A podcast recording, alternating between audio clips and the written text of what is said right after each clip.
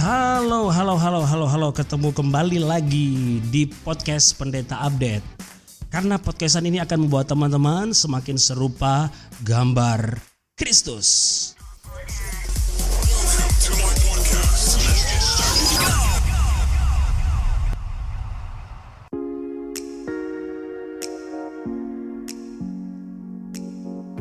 Halo, halo, halo, halo.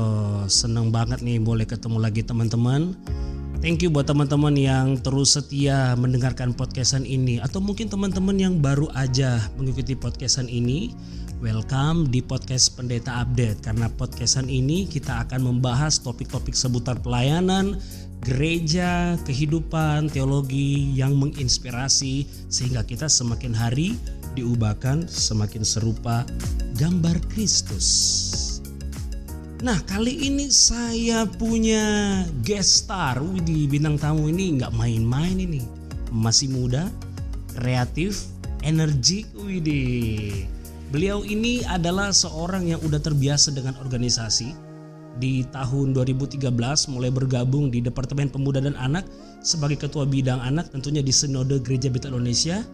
2014 jadi Sekretaris Pengurus Daerah Departemen Pemuda dan Anak nih dan di tahun 2015 beliau ditunjuk menjadi ketua untuk Provinsi Kalimantan Barat yakni ketua Departemen Pemuda dan Anak.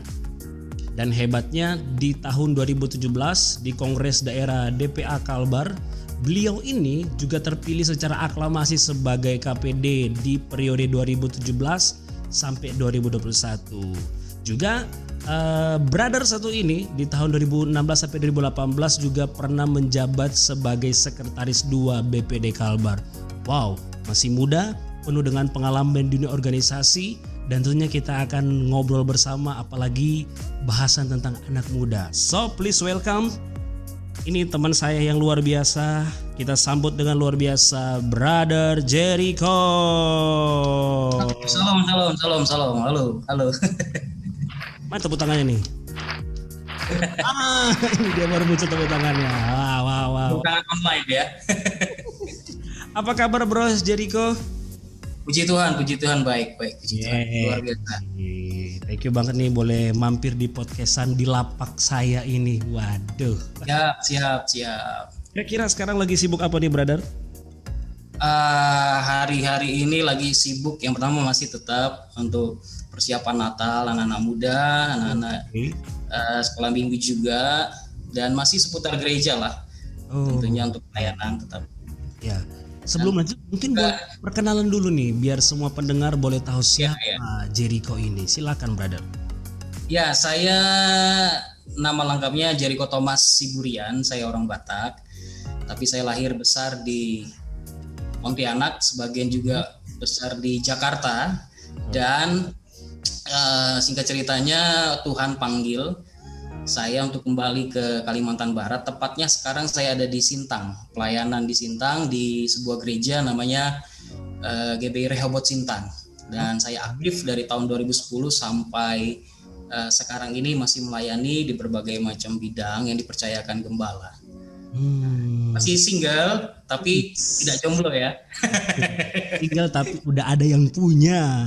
Ada yang punya, tinggal tumpang tangan pendeta saja. Widih.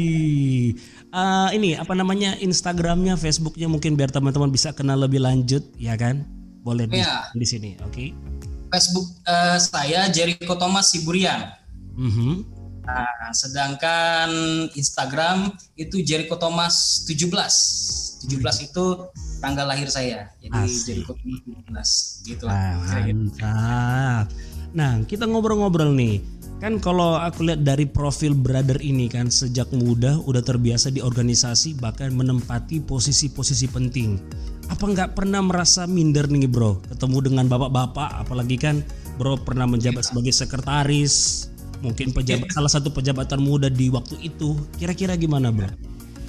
Ya, eh, pada waktu itu ya Mhm. pasti grogi ya pastinya ya grogi karena awal bergabung atau terlibat dalam Departemen Pemuda dan Anak Gereja Bethel Indonesia itu karena itu kan skala nasional bahkan internasional gitu. Betul. Eh, pada waktu itu sih saya hanya ikut sebagai salah satu ketua bidang begitu kan. Nah, tepatnya di bidang anak uh, masih belajar-belajar lah, masih masih melihat-lihat bagaimana uh, dan apa yang harus saya buat gitu kan. tentunya untuk diterapkan di daerah dan kita yeah. banyak belajar uh, di DPA itu luar biasa ya karena bertemu dengan berbagai macam orang dari latar belakang dari mm-hmm. uh, statusnya kita ketemu orang-orang yang luar biasa di DPA pada masa itu. Dan saya masih culun-culunnya waktu itu.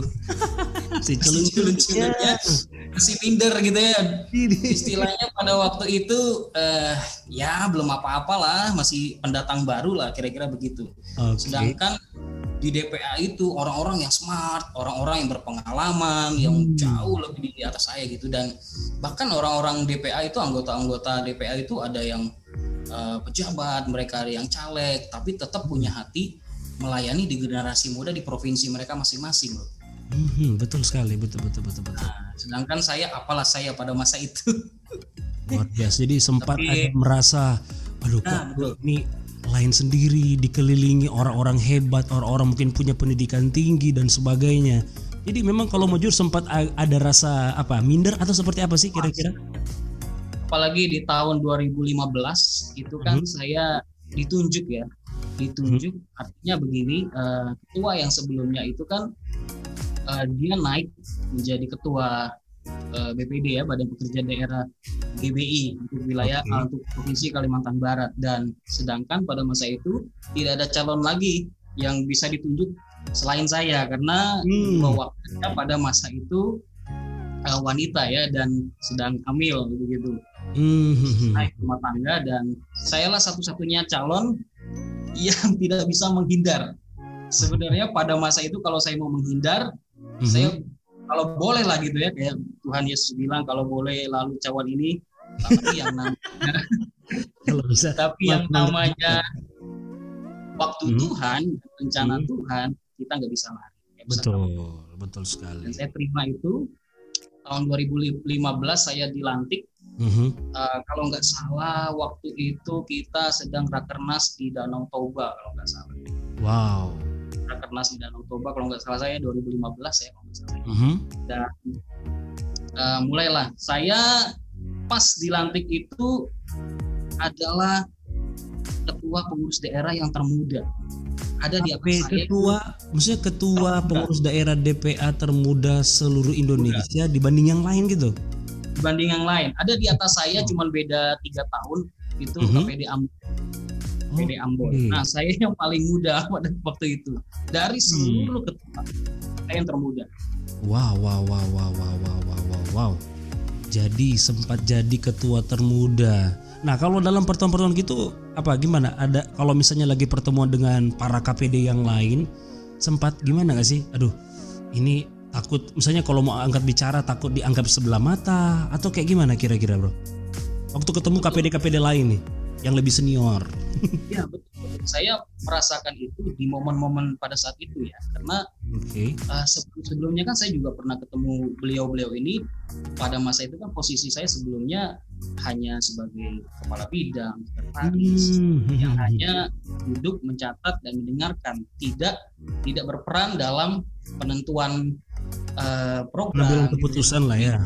Ya, keputusan. Nah, di tahun yang sudah uh, selanjutnya itu saya menjadi kepalanya itu atau ketuanya dan saya ada rasa grogi karena saya menghadapi mereka-mereka yang senior-senior apalagi latar belakang mereka bukan hanya seorang hamba Tuhan mereka juga dari DPR ada yang DPR ada yang orang pemerintahan begitu dan dan terlibat dalam satu situasi yang hmm. luar biasa teman-teman saya pada masa itu sangat-sangat grogi ya. Hmm. Nah, Brother Jericho ini juga nih, for your information nih teman-teman yang lagi dengar, ini adalah seorang yang doyan naik gunung nih, asik. Jadi teman-teman iya. kalau lihat di sosial medianya, nah itu pasti akan ketemu nih postingan-postingan lagi apa namanya lagi di atas gunung. Wah, jadi penyuka apa namanya penyuka tantangan ini. Wow. Oke, kita mau ngobrol-ngobrol nih sejenak, brother. Ya. baru-baru ini saya baru temukan nih di salah di Instagram di bilangan research itu ternyata di tahun 2017 ada sebuah penelitian bahwa ternyata uh, pertambahan jumlah jemaat dari gereja satu ke gereja yang lain yang kelihatannya bertumbuh ternyata itu bukanlah dari apa ya dari non Kristen jadi Kristen justru perpindahan dari gereja satu ke gereja yang lain nih brother Nah, jadi dengan kata lain, perpindahan gereja itu menjadi sebuah hal yang biasa. So, kita di episode kali ini kan akan bahas tentang intip gereja sebelah, fenomena bagaimana uh, jemaat yang suka mencari gereja satu ke gereja yang lain, pindah-pindah gereja tapi nggak mau netap dalam sebuah gereja lokal. Nah, dalam dunia pelayanan brother, kira-kira pernah ketemu atau seperti apa tanggapan brother melihat khususnya karena kan ini brother ini sebagai Eh, ketua DPA melihat teman-teman youth anak muda yang mungkin suka berpetualang dalam tanda kutip keliling sana sini tapi nggak mau berkomit dalam satu gereja lokal. Gimana berada? Ya, uh, kalau dibilang pernah ketemu pasti karena ini fenomena terjadi di seluruh ya, di seluruh ya. gereja. Di mana-mana maupun dari segi gereja ras gereja apa aja ya. Iya, gitu betul. Ya. Nah, terjadi terutama di gereja kami juga di wilayah kami juga ya khususnya di daerah Sintang lah ya kira-kira okay. Nah jadi juga karena mungkin perkembangan zaman mm-hmm. satu. Nah dan di zaman anak-anak muda sekarang ini karena mereka sudah terlibat dalam digital gitu ya dunia dunia mm-hmm. digital mungkin menganggap gerejanya yang yang yang sekarang dia uh, berjemaat mm-hmm. bosan menghadapi sebuah kebosanan karena mungkin gereja yang sedang dia uh, ada di situ tidak bergerak sesuai dengan zaman sehingga membuat dia bosan karena anak-anak muda itu kan progresif ya. Is betul progresif. Betul progresif. progresif. Iya betul betul. Dan dan dan mereka satu menyukai suatu hal yang baru dan selalu baru. Sedangkan hmm. kita nggak tahu ya keadaan gereja masing-masing ya di tempat kita juga pernah mengalami hal seperti itu pada hmm. masa itu. Oke. Okay. Di mana agak sedikit kita lambat dalam dalam dalam mengerjakan sesuatu itu. Okay. Tapi setelah uh, kita menyadari, pemimpin kita juga menyadari dan kita bergerak terus memperbaiki, di Tuhan ada perkembangan. Nah, uh, menurut saya sih salah satunya karena kenapa anak-anak muda bisa pindah ke sana ke sini salah satunya mungkin dari segi gereja kita tidak mau mengupgrade mengupgrade juga. Itu tidak mengupgrade. Jadi jangan serta merta ini bagus banget nih. Jadi kita jangan serta merta langsung menjudge jemaat atau menjudge anak muda kenapa pindah? Karena memang terus terang aja namanya perpindahan itu udah hal yang biasa betul ya? Betul betul sekali. Itu udah, udah sangat cair ya apalagi di kota ya.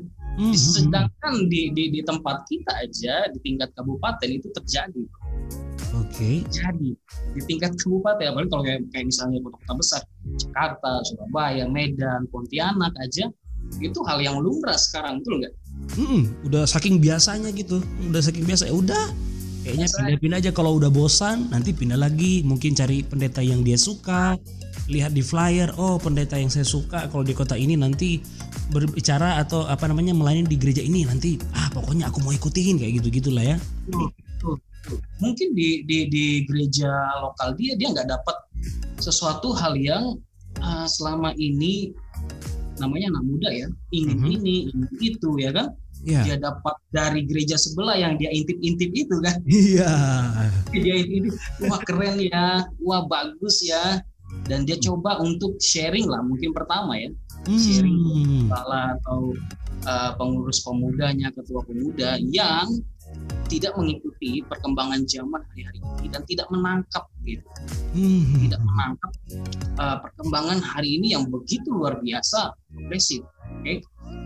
apalagi di dunia online online ini kan sekarang hmm. bukan cuma intip gereja sebelah tapi bisa gereja mana-mana pun mana-mana gitu. Iya. Karena tinggal klik aja di YouTube misalnya kan di Facebook bertebaran gereja-gereja online yang online yang sekarang yang menampilkan suatu hal yang begitu wah. hmm. sedangkan di gerejanya tidak bisa dia dapatkan. Okay. Ini ini sih uh, sebuah peringatan kali ya, sebuah peringatan atau sebuah ya nasihat yang gimana lah kira-kira untuk kita para penggiat anak-anak muda. Iya, karena sebenarnya sekali lagi kita jangan serta merta mempersalahkan buat ya, mereka yang begitu, Ini ini bagus banget nih karena dari apa namanya beberapa episode yang udah kita dengarkan biasanya nih uh, bukan mempermasalahkan sih juga bukan menghakimi karena podcast ini tentunya bukan untuk menghakimi siapa pun tetapi menjadi peringatan buat uh, yang berjemaat. Nah, kalau kali ini di episode kali ini Brother Jericho lebih cenderung mendengungkan bahwa yang menjadi bagian kita juga gereja harus evaluasi diri. Kita udah upgrade nggak nih, menjawab kebutuhan nggak nih dengan uh, kemajuan zaman yang ada. Sehingga jangan-jangan orang itu pindah atau teman-teman youth itu pindah ke gereja sebelah bukan karena apa ya, bukan karena ada sesuatu yang salah dengan kita dan sebagainya, bukan mungkin karena sekedar pergaulan, tetapi mungkin dia lihat gereja yang lain itu apa ya, lebih menjawab kebutuhan dia di sana. Nah, nah Okay. Saya mau bagi sedikit juga seperti ini bro, karena uh, anak-anak muda ini kan uh, karakternya labil ya. Hmm, betul betul. Karakternya betul. masih belum, belum terbentuk dengan baik dan kuat karena kenapa? Uh, dalam umur bisa saja uh, bisa juga dalam pergaulan situasi kondisi di rumah kita nggak tahu juga dan sehingga membuat karakter dia ini tidak terbentuk. Mm -hmm. Baik apalagi saya juga ada lihat gitu apa satu yang membuat anak-anak muda dari cuma intip-intip mm-hmm. ke gereja itu dan menetap begitu nah dan gembala yang sebelumnya jadi mm-hmm. mencari-cari nih ke mana anak-anak ini kemarin cuman uh, bolos satu minggu mm-hmm. dua minggu. Saya sekali datang ditanya oh om lagi ke naik ke gereja sebelah coba lihat ini coba lihat itu tapi dia tak dapat respon atau tanggapan yang kurang baik. Oh, jadi dia benar-benaran gitu pindah begitu. Hmm. jadi kalau kalau kalau begitu kira-kira uh, dengan realita yang ada kira-kira bagaimana nih brother? Khususnya berarti peran kan kita nih kalau bicara peran supaya uh, jemaat kita atau anak-anak kita nggak apa namanya buru-buru pindah ke gereja sebelah kira-kira peran dari ketua youthnya atau youth leadernya bersama gembala kira-kira seperti apa bro yang sebaiknya untuk mencegah hal ini terjadi gitu. Karena memang kayak itu tadi anak muda adalah uh, pribadi yang progresif senang perubahan senang sesuatu yang baru. Jadi kira-kira menurut bro bagaimana seharusnya setiap youth leader ataupun setiap para gembala untuk mempersiapkan hal seperti ini untuk menjaga-jaga supaya tidak terjadi hal seperti ini di gereja lokal mereka? Gimana brother? Uh, menurut saya satu. Yang pertama uh, setiap kita para pemimpin yang pastinya sadar. Hmm. harus sadar dengan keadaan hari-hari ini yang yang tidak bisa kita gunakan dengan old system gitu ya Oke, nggak bisa dengan old school lama, ya. Oke, oke. Betul, betul, betul. Dan dan uh, gereja harus mengupgrade. Bukan hanya dari segi gedung gereja, bukan hanya dari segi uh, peralatan gereja, tapi terutama kita manusianya.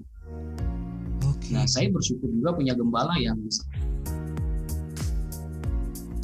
sangat sangat sangat anak muda sekali ya sangat memahami karena dia juga dulu uh, tua sebelumnya gitu kan ya hmm iya Pak Pendeta uh, Rodi uh, itu uh, apa namanya sempat menjadi KPD ya jadi ya, ya. Hmm. gaul gitu pendeta gaul ya. dari beliau juga saya ya beliau juga mengajarkan kita tentang uh, anak muda jadi dari beliau saya banyak belajar bagaimana pertama kita mesti sadar anak-anak muda ini kan progresif dengan segudang masalah yang mereka punya, kita harus sadar juga apa yang menjadi kebutuhan mereka. Yang pertama sadar, kita harus sadar. Sadar dari keadaan hari-hari ini, ya kan, perkembangan dunia yang luar biasa hari-hari ini, Betul. dan juga masih sadar kebutuhan anak-anak muda kita yang di gereja hari-hari ini yang lagi apa gitu kan. Yang mhm. pertama sadar, yang kedua uh, terbuka, mari terbuka. Terbuka artinya bukan blast hmm. semuanya bisa masuk gitu ya enggak, enggak. Yes. terbuka artinya kita punya respon yang bijak respon hmm. yang bijak menerima segala sesuatu tapi tetap kita bisa pilih-pilih mana yang baik mana yang enggak baik mana yang sesuai, yang kontekstual dengan tempat kita, ya kan nggak bisa semua juga kita masukin, betul nggak? Ya, betul betul banget. Nggak bisa, nggak bisa. Jadi yang dari gereja sana mungkin cocok, tapi untuk di daerah kita, karena kan belum tentu cocok, ya. Belum tentu cocok. Kultur, kultur juga di setiap daerah kan beda-beda. Betul sekali. Artinya kita yang pertama sadar, yang kedua kita bisa terbuka, tapi nggak blas gitu. Hmm. Mesti bijak juga dalam sebuah keterbukaan untuk sesuatu yang ada. Gitu kan jangan sampai terlalu terbuka eh malah kebablasan jadi nggak bisa terkontrol. Nah yang ketiga yang yang, yang mm-hmm. ketiga mesti komit. Komit untuk yang yang uh, hari-hari ini dengan segala apa saya boleh ngomong belak-belakan juga ya. Oh, keliarannya yang iya, iya. Mm-hmm. betul ya ya anak-anak muda sekarang mungkin ini ini, ini fakta yang saya dapat ya. Mm-hmm. mungkin dia secara dunia nyata nggak terlalu ketahuan gimana ya. Tapi setelah di dunia online di sosmed itu bisa liarnya itu muncul gitu. Malah muncul ya dan dan ini juga mesti kita sadar. Karena anak-anak muda zaman sekarang oke di dunia nyata dia nggak bisa berbuat apa-apa di dunia maya dia bisa melakukan hal yang terserah dia Iya. Dan gereja juga tidak boleh mengatakan hal ini. Hmm.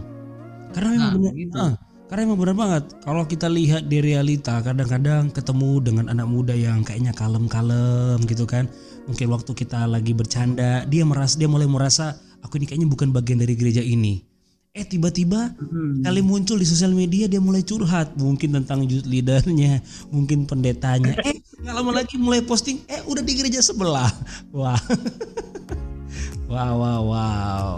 Nah brother sekarang kayak gini.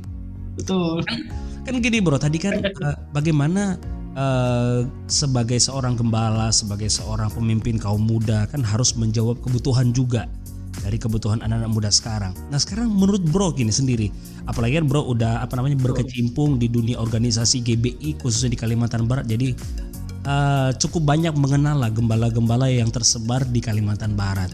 Nah pertanyaan sekarang begini Bro, bagaimana jika kalau teman-teman yang lagi dengar ini ngomong begini, tapi kan uh, Kak uh, gembala kami ini udah udah tua banget nih. Kalau mau diajak hmm. ini kayaknya susah kalau mau diajak tiktokan rasanya katanya terlalu duniawi. Jadi gimana? Kayaknya aku pengen pindah ke gereja sebelah yang tadi. Gere, apa namanya? Kalau di sebelah gembalanya lebih gaul dari gereja kami. Nah gimana bro? Buat gembala buat teman-teman yang lagi dengar yang di mana ternyata gembala mereka itu udah sangat usia ataupun mungkin ketua yud mereka mungkin kalau di gereja lain ketua yud itu masih usia-usia anak SMA, usia apa namanya usia-usia kuliah ataupun mungkin kerja tapi bisa juga ada gereja yang ketua yudnya itu memang udah udah cukup senior, mungkin usianya udah 40-an mau 50-an dan sebagainya. Nah, kira-kira gimana brother?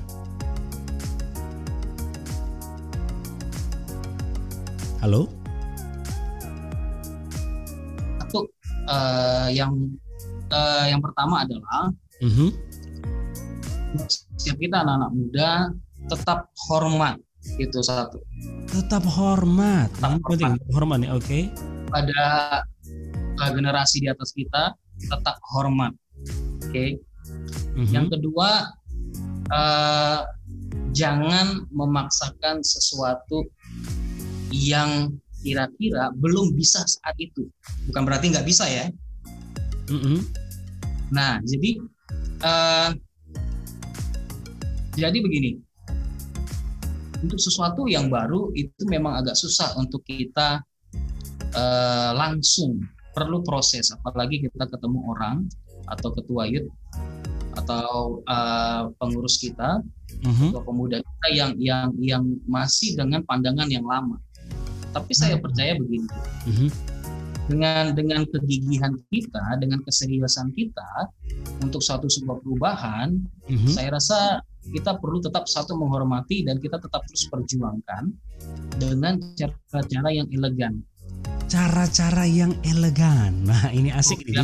Nah, cara yang elegan yang yang pastinya tidak menyinggung generasi yang sebelumnya. Karena kenapa? Kalau kita memaksakan sesuatu perubahan di gereja kita dengan begitu saja kita tabrak gitu dan saya uh, prihatin karena kenapa? Satu kita melukai dan hmm. jadinya baik. Anak-anak muda zaman zaman sekarang uh, tetap hormat pada generasi kita yang di atas. Nah karena kan masa kepemimpinan gereja itu kan ada waktunya ya betul. Tidak serta merta selamanya saja gitu. Betul. Ya. ada masanya nah kamu ya kita sebagai anak muda yang punya komit, punya hati untuk gereja kita maju anak mudanya, mungkin kita bisa uh, memperbaiki yang ada di bawah dulu dengan cara yang baik tentunya, dengan pengaruh-pengaruh yang baik, ya kan? Tidak langsung dengan gaya anak muda yang seradak seruduk. Saya percaya walaupun kita anak muda, etika tetap yang pertama harus dipegang. Untuk satu hal yang baik perlu dengan sikap dan tindakan yang baik. Hmm. Itu sih menurut saya karena huh? uh, sebuah perubahan yang yang yang baik tidak boleh dilakukan secara sembarangan dan sembrono atau serudukan gitu ya. iya. Oke. Okay. Saya percaya pasti sadar kok lama-lama pemimpin kita kalau kita sudah ada hasil yang kita buat, okay. pasti ada ada ada ada respon yang baik dari beliau hmm. karena saya pernah gitu pernah pernah seperti itu karena kan saya banyak keluar gitu kan banyak hmm. di luar melihat perkembangan gereja di luar sana bertemu dengan teman-teman yang memiliki eh, pelayanan anak muda yang sangat menginspirasi hmm. di hanya dia dan saya mencoba gitu mencoba membawa itu ke gereja saya. Tapi saya paham saya mengerti nih tidak bisa serta merta langsung nggak bisa. Saya pelan-pelan pelan-pelan gitu kan uh, untuk menyesuaikan dengan kondisi yang ada di gereja kita gitu. Hmm. dan dan dan sudah ada hasil yang bisa dilihat dengan sendiri gembala atau pemimpin kita wayut kita. Kita akan mengerti lama-lama oh rupanya yang seperti ini boleh untuk untuk dilakukan di gereja kita. Ya dengan cocok lah ya. Mm -mm betul. Tentunya dengan cara yang baik dengan sikap yang baik untuk hmm. satu perubahan yang baik perlu perlu selaras tidak bisa tidak bisa uh, langsung begitu saja yes proses sekali betul betul betul nah sekarang kan begini bro uh, di apa namanya dalam pengalaman brother melayani kan brother ya. Jericho ini juga sebagai uh, rekan staf pengembalaan di GBI Rehobot Sintang ya bro ya. Nah, ya. Kalau misalnya di jemaat lokal sendiri mungkin pernah nggak sih ketemu mungkin jemaat atau anak muda yang udah melalang buana dan akhirnya menjadi salah satu tujuannya di gereja bro karena mungkin apa namanya ngintip kan akhirnya datang ke gereja brother gitu. Kira-kira ya. bagaimana cara brother uh, apa ya uh, memfollow upnya supaya gini jangan sampai terjadi lagi gitu. Karena mungkin dia udah keliling sesintang gitu dan akhirnya di episode tertentu dia ketemu dengan gereja brother. Nah apa yang dilakukan bro kira-kira bro? Pernah pernah. Okay. ada uh, salah satu bukan salah satu ya ada beberapa hmm. jemaat ya uh, sudah keliling dari beberapa gereja. Dia sudah masuki yang injili Uh. yang Pentakosta. jadi udah oikumene ini ceritanya nih gereja oikumene mana ya, semua. semua. Iya udah ke mana-mana gitu kan. Mm -hmm. Ini anak muda juga udah ke mana-mana. Tapi uh, sekali dia mungkin coba-coba ya gitu ke gereja kita dan memang waktu itu pertama saya lihat dia tuh pernah ketemu di kalau kita di Sintang kan kalau lagi Natal lagi apa kan gitu kan okay. selalu barengan gitu jadi hmm. kunjungan ke gereja ini Natal kita datang, gereja ini Natal kita datang. Nah, saya pernah lihat dia dan saya tahu gitu. Kok tiba-tiba muncul gitu kan? Wah, saya kenal ini orang gitu kan. uh, mau saya langsung tanya kenapa dia pindah, saya juga nggak enak gitu kan. Ya ya yang namanya orang mau ibadah, ya kan? Namanya ibadah ya terserah dia begitu. dia mau ibadah cuman saya pantau dulu gitu nggak langsung nggak langsung kira-kira minggu depan datang nggak ya eh ternyata minggu depan datang oh. Minggu depan datang dan dan datang lagi gitu. Wow. Nah mulai lah wow. mulai mulai mulai saya deketin deketin. Saya tanya udah mulai karena udah agak mulai terbuka dan saya tanya kamu kok uh, pindah ke sini? Udah mulai mulai sering ibadah di sini gitu kan saya tanya. Oh ya bang saya dia dia satu kata uh, perkataan pertama yang dia ucapkan adalah saya merasa nyaman nyaman Widih. saya tanya nyamannya kenapa ya? mm-hmm. mungkin dia dapat sesuatu di kita dan di tempat-tempat lain dia nggak dapat oke okay. nah saya tanya lebih lebih lagi yang pertama uh, setelah yang dibilang nyaman yang kedua di sini anak-anak mudanya sangat welcome welcome nah, ini ini penting nih jadi bukan cuman nah, dan, mm, dari dari gembala atau kota yu tapi anggota-anggota yang lain juga ternyata welcome sama yang baru ini betul jadi anak-anaknya hmm. juga sih dan cair sekali gitu nah hmm. dan saya coba lagi untuk tanya dia eh, kenapa sih bisa pindah ya berbagai macam alasan, berbagai macam cerita. Saya nggak bisa ungkapkan gitu kan di sini. Oke. Okay. Ya, ada masalah dengan pemimpinnya, gembalanya, yang kayak gimana. Ya. Itu saya coba netralisir dulu. Seperti saya dengar juga kan podcastnya uh, Bang Met sebelah kan? Wih, Bang Met sebelah. Iya. Bang Met yang sebelumnya. sebelah periode yang sebelumnya gitu kan? Yes. nah, saya saya saya setuju dengan Bang Met. Mm -hmm. Nah, artinya dia mesti selesaikan dulu nah, ini sebelum dia ke kita mesti dia selesaikan dulu saya saya saya bilang sama saya sempat sharing harus diselesaikan dulu kalau kamu mau berkomitmen di tempat kita nah setelah semuanya beres dia mulai mulai bisa lebih semangat lagi dan mulai terlibat dalam pelayanan tentunya di tempat kita juga kita didik dengan benar dan baik dengan pandangan Alkitab yang benar, firman Tuhan yang benar, sehingga membuat dia dewasa rohani. Gitu ya. Oke, dewasa rohani, yes. Mm -hmm. Oke. Okay. Nah, itu dia. Jadi memang apa namanya menjadi apa ya? Kita sekali lagi kita nggak bisa uh, menahan siapa pun datang ke gereja kita betul. pastinya, betul ya. Betul. Nah kita banyak bisa. orang, ya kita nggak bisa bilang oh yang datang di sini dilarang yang datang yang sedang sakit hati kan kita nggak bisa gitu. Siapa pun bisa, harus ya kita harus terbuka siapa pun yang datang ke gereja kita. Cuma memang dalam bentuk follow upnya ini harus benar.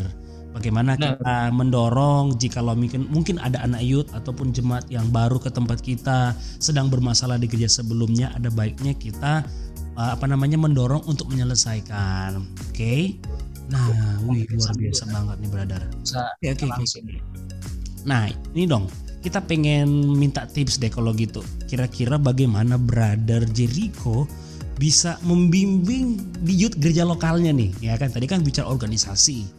Nah, dia menjadi salah satu keunikan yang saya dengar tadi kan brother udah bilang bahwa uh, ketika ada yang baru datang itu ternyata tanpa komando itu teman-teman youth anggota youth itu juga langsung welcome. Itu nggak acu tak acu.